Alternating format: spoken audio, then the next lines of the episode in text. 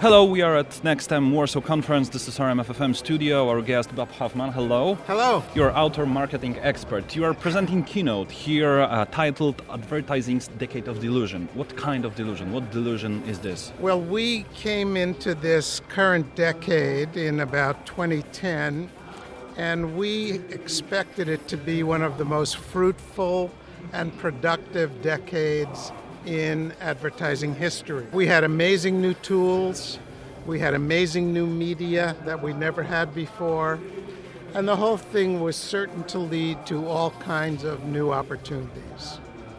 Uh, our ability to reach customers one to one with web based media was sure to make advertising more personal, more relevant, and more effective and more likable a brand's ability to listen to consumer conversations through social media and react quickly was supposed to help them connect more closely to their consumers.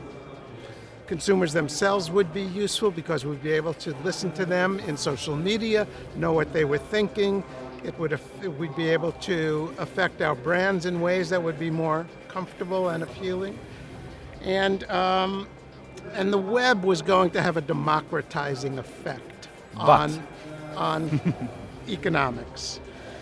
And yet, the past decade has been the most disappointing and disheartening that I've experienced in my advertising career. Okay, so first of all, why it was disappointing?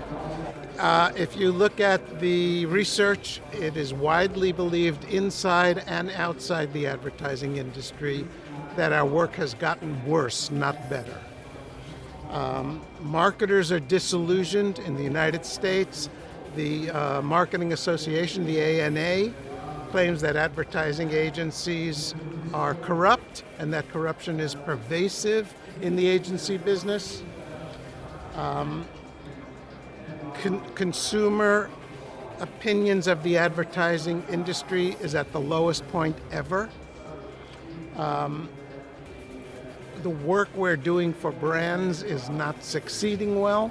A recent study by Nielsen showed that in the last five years, consumers are 46% more likely to say that they will try new brands than they were just five years ago.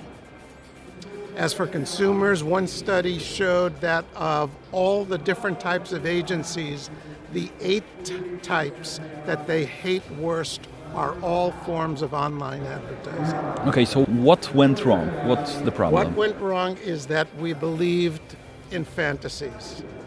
We as consumers, we no, as we advertisers, as we as people. advertisers, mm-hmm. we as advertisers and marketers believed in fantasies. We lost our skepticism. Advertising people are, on the whole, skeptical people we want to be proof. Someone comes to us with a proposition, we want to see proof. When it came to online advertising, we lost our skepticism. And we were hoodwinked, I think, by a lot of baloney that was sold to us by people who were advocates of online advertising, people who were um, making money from ad- online advertising, and people who were evangelists for online advertising. So you believe in your own uh, fantasies, your own fairy tales? I think that's what happened. I think that's exactly what happened. The, the advertising industry is always looking for miracles, okay? We always, you know, th- there's always a new miracle coming our way blockchain, uh, 5G. Um, virtual reality, all these, every 18 months there's a new miracle. And, but online advertising was a decade long miracle that never really panned out, in my opinion. So, what should change? Should you go back to roots? No.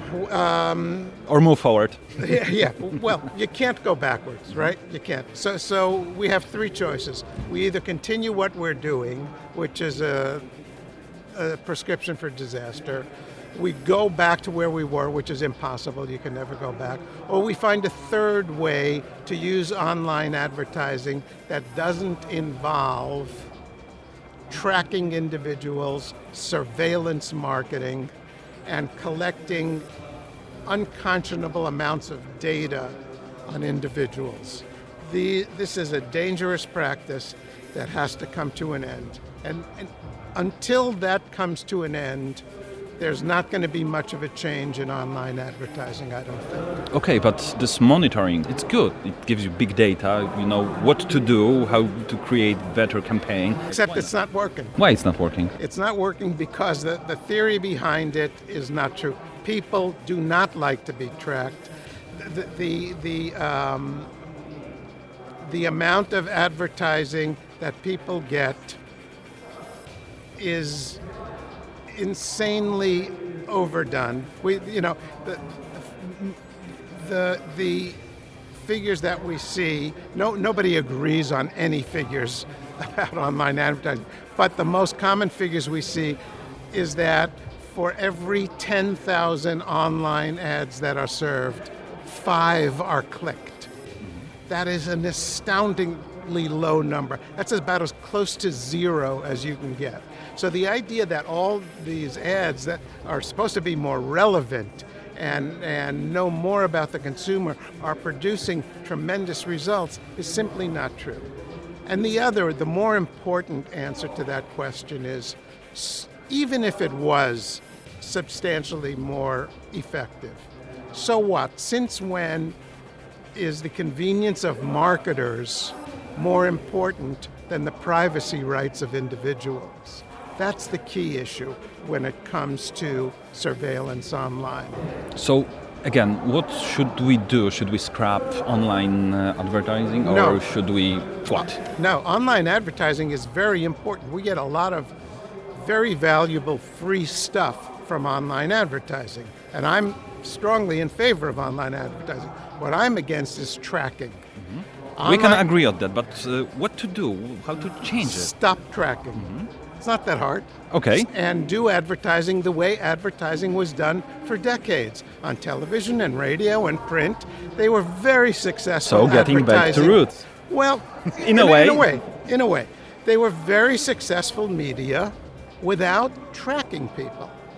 And if the online advertising industry would stop tracking people, it would solve so many of the problems. The problems of privacy abuse, the problems of fraud, the problems of people hating online advertising wouldn't solve all the problems, but it would go a long way to solving a lot of the problems. So, conclusion agencies should invest in uh, people with great open minds just to create new campaigns, new ads? Well, that's part of it. Part of it is, is having better creative work, which means better creative people. But the other part of it is finding a new way to use ad tech that is not intrusive and is not dangerous to democratic society. This decade, according to you, is a decade of delusion. The next decade would be a decade of what? I don't know. I am and not. I am not a predictor of the future. I find that uh, marketing people who predict the future are almost always wrong, and I love to make fun of them. And I don't want to be one of the ones that people are making fun of by predicting the future. I don't know what's going to happen 10 minutes from now. Tell you the truth, and neither does anyone else. And anyone who thinks he does is full of shit. But I know what's going to happen right now. I would like to say thank you. Thank you very much.